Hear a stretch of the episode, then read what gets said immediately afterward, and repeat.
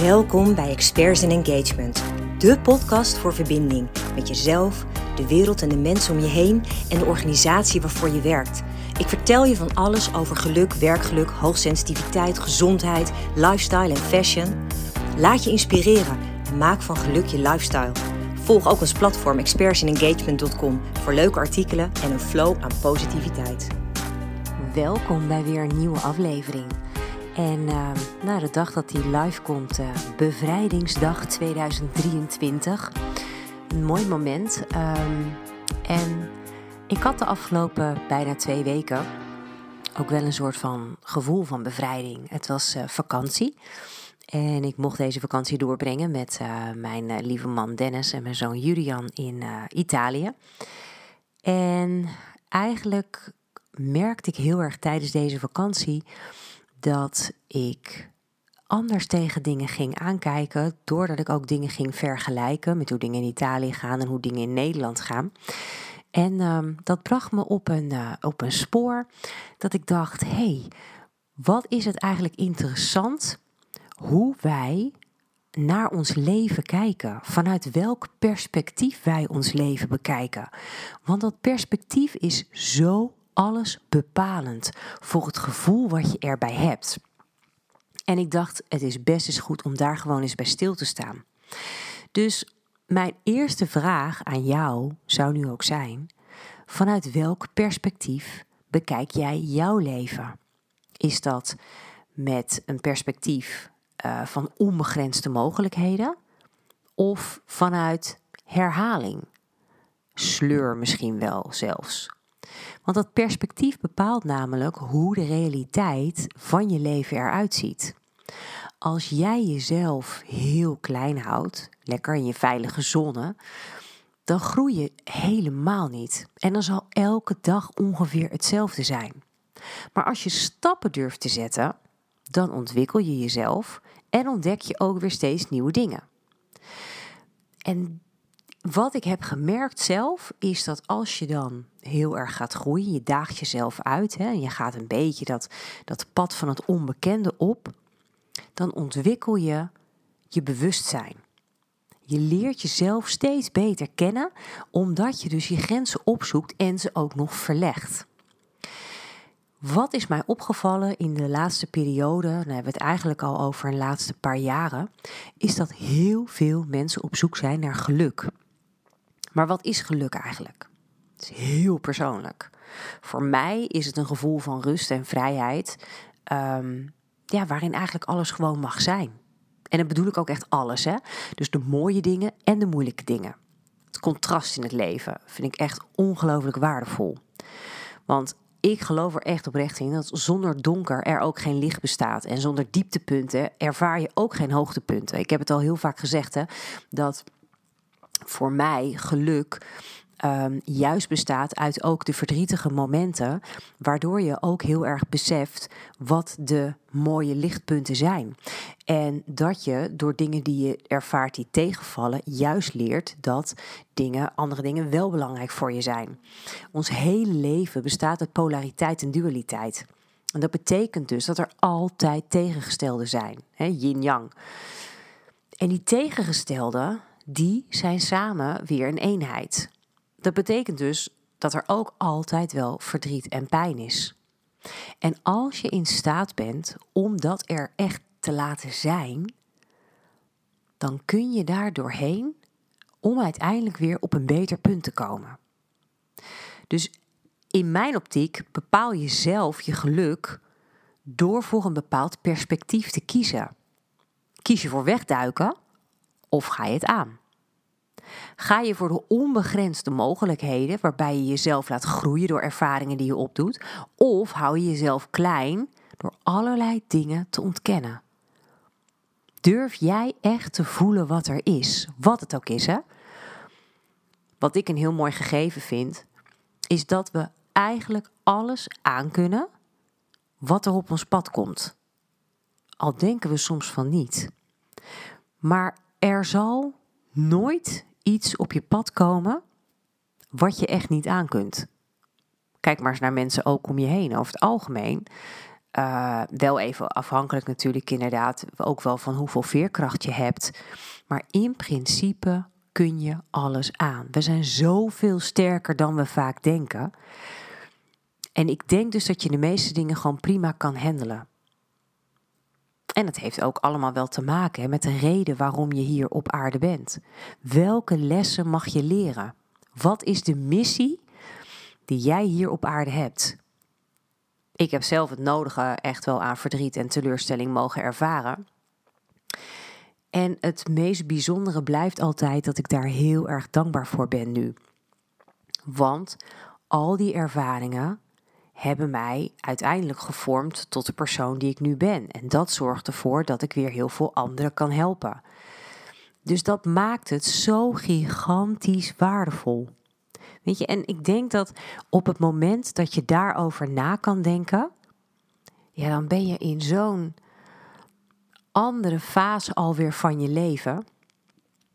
En wat mij betreft mag dus ook ja, dat verdriet en die teleurstelling er gewoon zijn. Wat ik heel erg lastig vind, hè, is dat er mensen zijn die dan eigenlijk tegen je zeggen dat je alleen maar het positieve zou moeten toelaten in je leven. Wat ik heel erg geloof, is dat je wel meer aandacht voor het positieve zou mogen hebben. vanuit ons oerbrein zijn we meer geneigd om ons te richten op de negatieve dingen. En soms heb je dan zo'n moment, dan gebeuren er tien mooie dingen en één negatief ding. En dan ben je vrijwel alleen maar bezig met dat ene negatieve ding. Want dat is namelijk gewoon heel simpel hoe onze hersenen werken. En het komt heel erg door de overtuiging dat we gevaar moeten vermijden. Maar als je nou eens heel bewust dankbaar bent voor het positieve, dan verleg je al je perspectief op hoe je naar je leven kijkt. En als je dan dus ook nog eens dankbaar kunt zijn voor de lessen die het moeilijke of het negatieve brengen, dan ben je dus echt heel erg hard aan het groeien. En je emoties zijn bepalend voor hoe je je leven ervaart. Elke gebeurtenis roept een bepaalde emotie op en die brengt dan weer allerlei gedachten mee. Wat nu als je bij een gebeurtenis eens stilstaat en je bewust wordt van de emotie die daarbij hoort? Als je die emotie gewoon eens observeert voordat je reageert. Want in lastige situaties is dat ongelooflijk moeilijk, maar oh zo belangrijk. Want als je dus heel veel negatieve emoties ervaart, zit je in een lagere energie. En het lastige is, als je in een lagere energie zit, trek je vervolgens nog meer aan van datzelfde niveau. Dat is de wet van vibratie, daar heb ik het ook al eerder een keer over gehad. Als je een betere situatie wilt realiseren voor jezelf, dan moet je dus zorgen dat je je beter voelt. Nou, hoe doe je dat nou? Vooral door niet primair te reageren bij elke gebeurtenis. Waar zit hier de uitdaging? Dat is door even heel rustig adem te halen en de situatie te bekijken alsof je een buitenstaander bent. Gewoon net even doen alsof het jou niet direct aangaat. En dan om jezelf af te vragen: wat zou ik zeggen tegen een vriend die in dezelfde situatie zit? Welke bemoedigende woorden zou ik dan gebruiken? En zeg dat nou eens op dat moment tegen jezelf. Gegarandeerd dat je je direct al beter voelt. En als je dan weer dankbaar kunt zijn voor het moment dat je jezelf naar deze betere situatie begeleidde, dan verhoog je je energie en je vibratie nog verder. En dan trek je dus vervolgens weer positievere dingen aan. En daarmee verander je dus ook het perspectief in je leven. Dus puur door er niet heel primair op te reageren, maar heel even de tijd te nemen om te zien wat het echt is. Zonder direct allerlei waardes eraan te hangen, zonder oordeel, zonder gevoel. Het maakt echt een wereld van verschil als je dit onder de knie kunt krijgen. Het is wel iets wat moeite blijft kosten, een tijd, want het is echt wel even oefenen. Ik moet mezelf er ook echt nog steeds wel eens aan herinneren. Maar stel je bijvoorbeeld eens een rotsituatie voor die je meemaakt met iemand. iemand valt tegen je uit of behandelt je slecht of geeft je, nou ja, om wat voor andere reden ook een slecht gevoel. Kan op je werk zijn, kan privé zijn. Vraag je dan ook eens af waarom die persoon zo reageert. Wat zegt het gedrag van die persoon over die persoon? Ik had wel voor de vakantie had ik een situatie met Jurian op school. En ehm, hij wilde meevoetballen met een aantal kinderen in, in de groep. En een aantal van die kinderen die zitten in het dagelijks leven ook echt op voetbal. En ja, Julian is niet van nature heel sportief aangelegd. En die vond het fantastisch leuk om mee te doen. Uh, maar dat is gewoon niet zijn, zijn sterkste talent. En wat gebeurt er nou? Een aantal van die kinderen die dus wel op voetbal zaten, die deden ongelooflijk naar tegen hem dat hij dus niet kan voetballen. En toen gingen ze ook nog tegen hem zeggen: Ja, je bent helemaal nergens goed in. En het raakte Julian echt keihard. Hij kwam echt verdrietig uit school. Nou is hij natuurlijk ook een heel gevoelig manneke. Maar dit soort dingen komt dan echt hard aan. En nee, hij is helemaal geen voetbaltalent. Absoluut niet. Maar hij heeft wel hele andere kwaliteiten. Hij schaakt op een hoger niveau dan gewoon is op zijn leeftijd bijvoorbeeld. Weet je? Dus dat is een heel ander soort ehm, talent wat hij dan heeft. Op het moment dat dit gebeurde, zo op dat, uh, op dat grasveld, lukt het hem dus niet om dit dus direct te, te relativeren. Maar daar heb ik hem dus bij geholpen.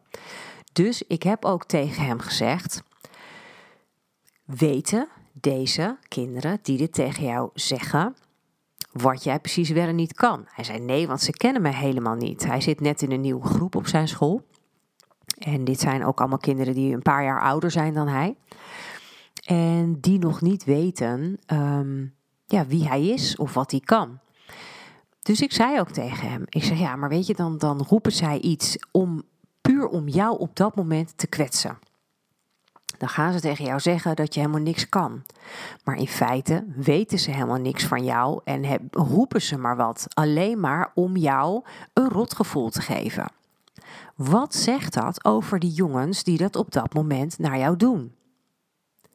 Het zegt in ieder geval dat ze geen rekening kunnen houden met het gevoel van een ander.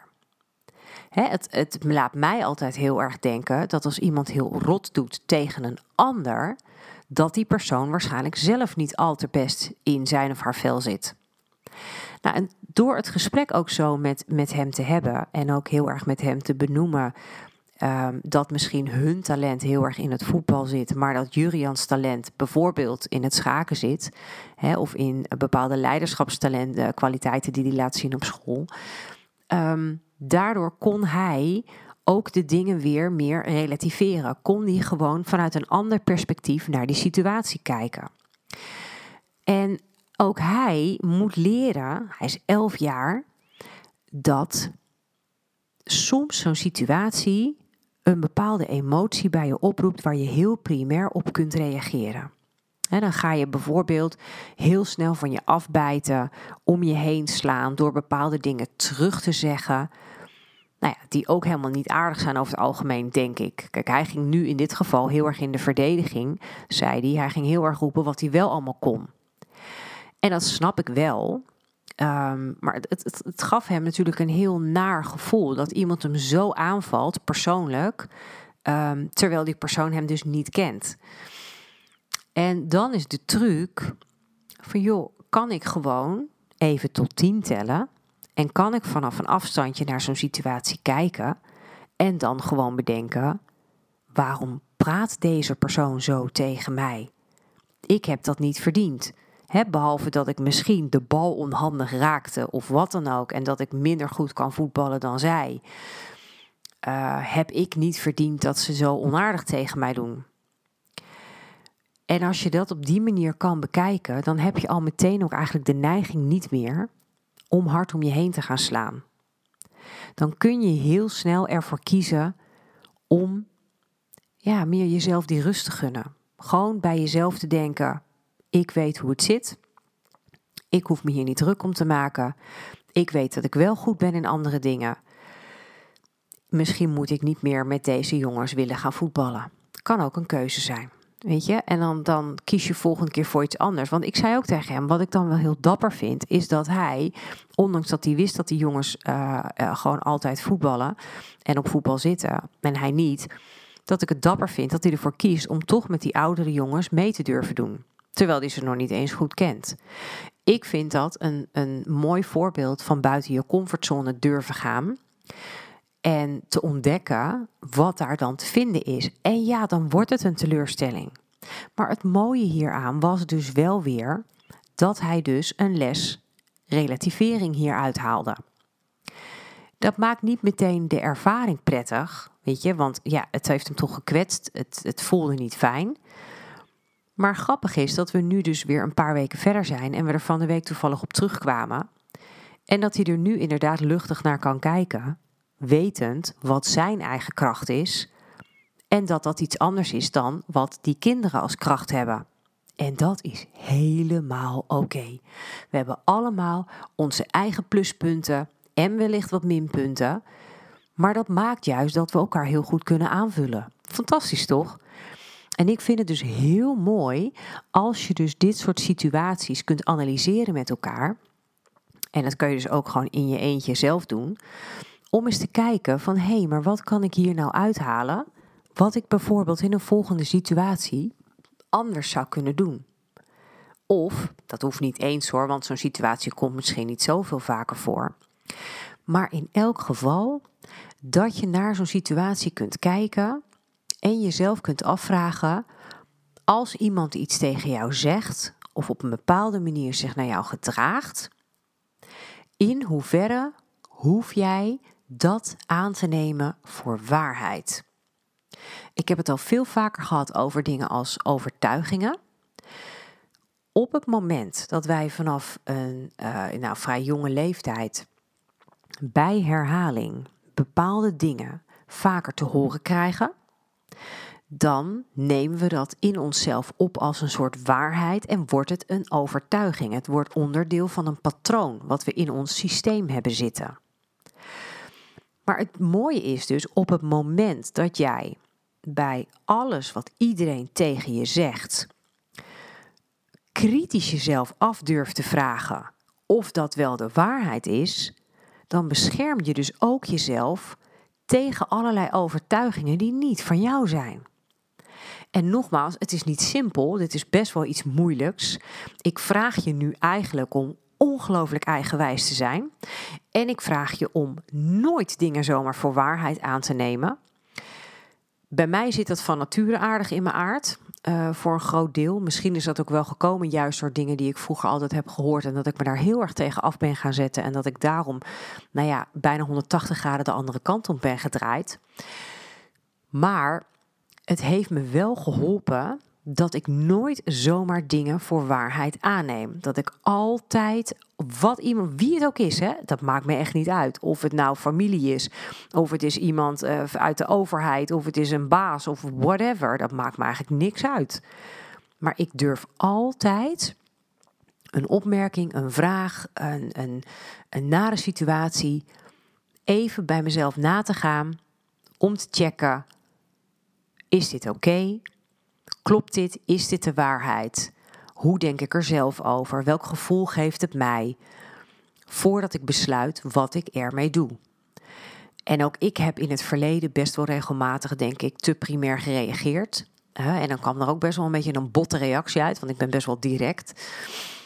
Um, maar wat ik ook heel vaak heb meegemaakt, en dat zit hem denk ik ook in wat veel hoogsensitieve mensen zullen herkennen, is dat je een situatie kunt ervaren waarbij je als het ware dichtklapt. Je hebt een, uh, bijvoorbeeld een werksituatie. Uh, ik had toevallig van de week met um, een, een, meisje waarmee ik samenwerk uh, bij een van mijn opdrachtgevers. En zij vertelde mij dat ze een beoordelingsgesprek had gehad wat ongelooflijk naar verlopen was. En zij had een, nou het is niet eens haar manager, maar het is iemand die als senior boven haar werkt die um, heeft haar tijdens dat gesprek ongeveer volledig afgebrand.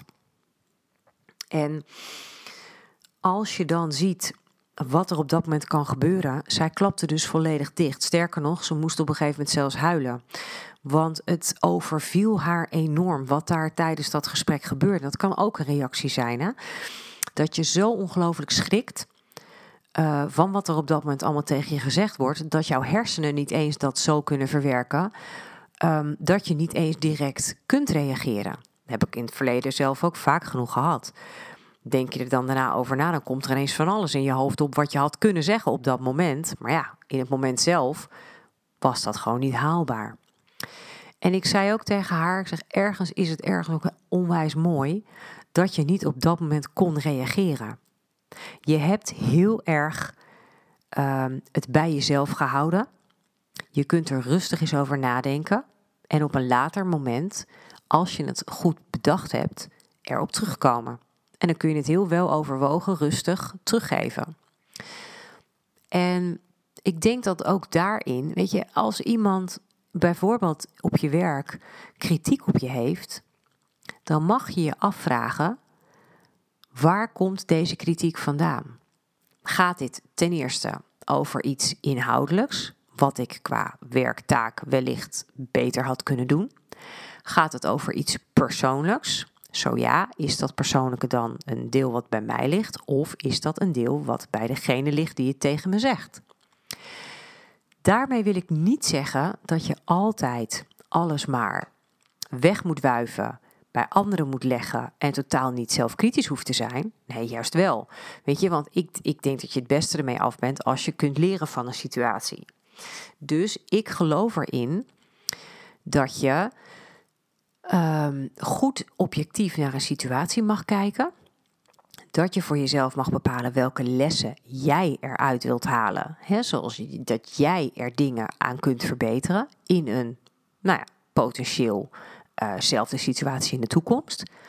Maar ik denk dus ook dat je ook echt heel kritisch mag zijn of iemand wel op dat moment de waarheid spreekt tegen jou, met wat hij of zij ook zegt. En wat er dus ook gebeurt, besef dat je altijd een keuze hebt met hoe je naar een situatie kijkt. En jouw perspectief is alles bepalend voor jouw geluksgevoel. Onthoud die, neem die alsjeblieft, alsjeblieft mee. Ehm, want ongetwijfeld gebeuren er altijd dingen in je leven waar je misschien niet op voorbereid bent of die rot voelen. En dingen gebeuren. That's it, daar doe je niks aan. Maar jouw grote kracht is hoe je daar vervolgens mee omgaat. En op het moment dat jij het voor elkaar krijgt om even die afstand te pakken en er even objectief naar te kijken voordat je een handeling uitvoert hierop, gaat al het verschil maken in je leven. Ik zou het echt super tof vinden als je hier gedachten over hebt of vragen over hebt. Of dat je zegt, jee, ik weet echt niet eens waar ik moet beginnen. Of, nou, hè, of je hebt een bepaalde situatie en je weet niet hoe je daarmee om moet gaan. Laat het me alsjeblieft weten. Um, kan onder andere via mijn mail chantal@expertsandengagement.com is een idee. Um, het mag ook gewoon uh, via de website van Experts in Engagement bij de podcast. Kun je gewoon een formulier inleveren. Je mag het via LinkedIn doen. Uh, via een direct bericht. Vind ik allemaal helemaal leuk om iets van je te horen. Um, en dan help ik je heel graag ook echt verder. Ik vind het fantastisch als ik mensen hierbij mag begeleiden. Omdat ik weet wat een ongelooflijk groot verschil het gaat maken met hoe je je leven ervaart. En oh, wat zou ik het tof vinden als we met zoveel mensen een lichter leven mogen gaan ervaren. Ik gun het je echt. Dank je wel in ieder geval weer dat je erbij was. En uh, graag weer tot volgende week. Dank je wel voor het luisteren. Inspireert het je? Wil je dit dan alsjeblieft delen met de mensen om je heen? Of geef de podcast een beoordeling door gewoon simpelweg op de sterren te klikken. Zo bereik ik nog meer mensen en kan ik de wereld om ons heen wat lichter maken.